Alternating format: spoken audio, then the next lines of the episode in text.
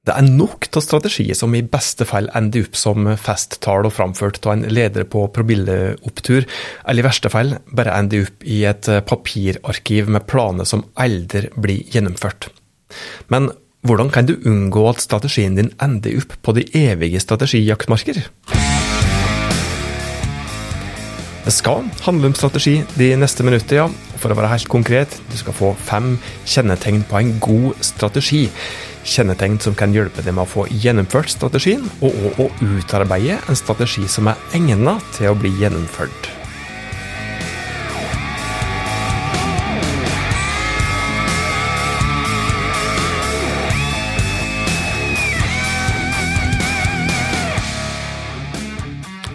Hjertelig velkommen til Hauspodden, podkasten fra oss fagfolket i Haus som i dag òg har lyst til å hjelpe deg med å nå de målene som dere har satt dere i virksomheten, i den organisasjonen som du jobber i. Jeg heter Tormod Sperstad, sier tusen takk for at eh, du hører på denne podkastepisoden her. Også prata en del om strategi i denne podkasten tidligere, bl.a. hva strategi egentlig er, og hvordan du kan gjennomføre gode strategiprosesser.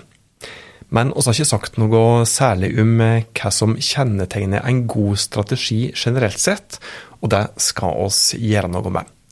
Derfor skal du eh, i dag få fem tegn på en god strategi, noe som vi håper kan hjelpe deg med å lykkes enda bedre med strategi og planarbeidet. Så du skal få tips til hvordan strategien kan bli nyttig, og ikke bare noe som blir liggende. Innspo for denne episoden her, det har vi henta fra ei eh, bok som vi har lest fra perm til perm eh, flere ganger, og som eh, kanskje flere er kjent med. Ei bok som strategiekspert Richard Rummelt har skrevet, som da heter Good Strategy, Bad Strategy. Og mm, Richard han oppdaga i sin tid at det var altfor mange strategier som nettopp bare var festtaler, og som ble liggende. og Derfor så danner det òg utgangspunktet, eller i hvert fall det som dannet, ga grunnlaget for ideen da, om å skrive denne her boka her.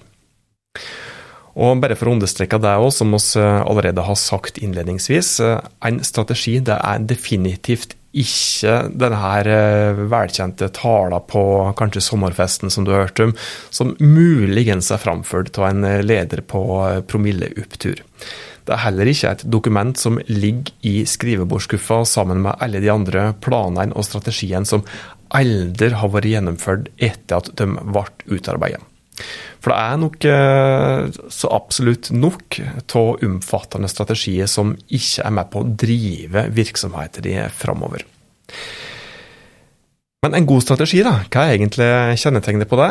Jeg skal gå gjennom eh, fem eh, konkrete kjennetegn først, og så skal jeg si litt utdypende om dem etterpå. En god strategi det er kjennetegna bl.a. ved at du greier å identifisere én eller to kritiske ting i en situasjon som må løses. Den er òg kjennetegna ved at eh, du konsentrerer ressursene på denne her ene eller disse to kritiske faktorene som du har funnet ut må løses. Eh, et annet kjennetegn er at eh, du greier å identifisere hva som faktisk er verdt å gjøre noe med. Det fjorde kjennetegnet er at du greier å identifisere hva du faktisk har mulighet til å gjøre noe med, altså en forlengelse av det fjorde tredje kjennetegnet. Og dagens uh, siste, femte kjennetegn er at uh, du faktisk gjør noe med det. At du gjennomfører denne strategien som dere har.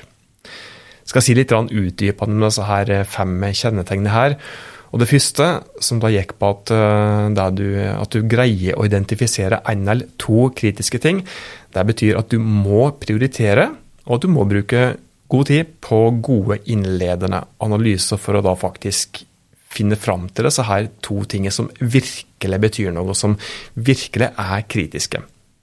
Eksempel på kritisk kan jo være at du, tja, at du eh, kanskje ikke får tak i den kompetansen som dere trenger i virksomheten, eller at eh, dere ikke greier å levere like effektivt og kanskje til like låg pris som det konkurrenten gjør. Det andre kjennetegnet det gikk på at du konsentrerer ressursene på den ene eller de to kritiske faktorene som må løses. Det betyr at du faktisk gjør noe med det som er den reelle utfordringen eller målet, og at du ikke bruker ressurser på alt mulig annet. At du har fokus på det som virkelig er kritisk. Og så kan du se på et eksempel sett mot det, opp mot det første kjennetegnet. Eh, det er at du skal identifisere hva som da faktisk betyr noe. Eh, det betyr at du skal ha hovedfokus på å få tak i den kompetansen som du, som du mangler. Og så må du finne ut eh, hvordan dere skal løse dette her.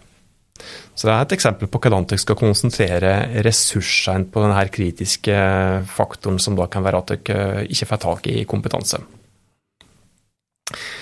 Det tredje og det fjerde kjennetegnet, der du da må identifisere hva som faktisk er verdt å gjøre noe med, og hva du har mulighet til å gjøre noe med, det handler om det såkalte strategiske handlingsrommet. Handlingsrommet det er da det mulighetsgapet, eller det rommet som befinner seg mellom hva du bør gjøre noe med, hva som da faktisk betyr noe, og hva du har mulighet til å gjøre noe med slik at du ikke bruker tid og krefter på f.eks. det som ikke er mulig å få til. Dette handler bl.a. om eh, ressursene som du har eh, til rådighet, at du ikke utarbeider en strategi som er urealistisk fordi du f.eks. ikke har tid, penger eller kompetanse til å lykkes med den. Altså at du ikke gaper for høyt. Det femte kjennetegnet, at du faktisk gjør noe med det, det var det femte. At du gjennomfører strategien din, det betyr rett og slett at du faktisk iverksetter og gjennomfører den strategien som du kan komme fram til. Dette betyr ikke at dere ikke skal justere veivalg underveis, for eh, som vi har pratet om tidligere i poden, så kan det skje underveis, eh, som, ja, underveis i, i strategiperioder, f.eks., som gjør at eh, landskapet forandrer seg, og at du må ta andre valg enn det som opprinnelig var tenkt. Men i så fall så justerer du bare opprinnelig strategi, og det viktigste er at du har eh, fokus på gjennomføring. Så det var de fem kjennetegnene på en god strategi. Denne strategieksperten som vi innleda episoden med å prate om, Richard Rummelt, han sa òg at kjerna i strategiarbeid har tre element. De tre elementene er at du stiller rett diagnose, som da betyr at du finner ut hvilke ressurser du har, hvordan du utfører ressursene og hvordan omgivelsene er.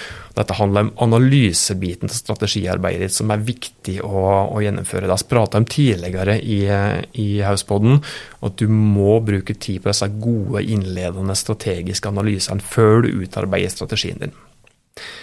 Rummel sa at det andre elementet er at strategien har hovedprinsipp og det tredje elementet er at du må ha, ja, ha såkalte koordinerte handlinger. Da, noe som betyr at eh, strategien må være underbygd av en plan, og at tiltaket i planen må være koordinerte og henge sammen med disse her en eller to kritiske utfordringene som du har avdekt innledningsvis må løses.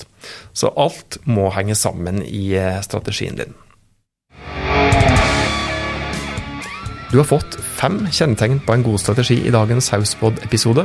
Hvis du tykte at disse kjennetegnene var nyttige og noe som andre bør ha nytte av, så blir vi glad hvis du deler det glade budskap med andre. Inntil oss høres neste gang, ta godt vare på det og dine.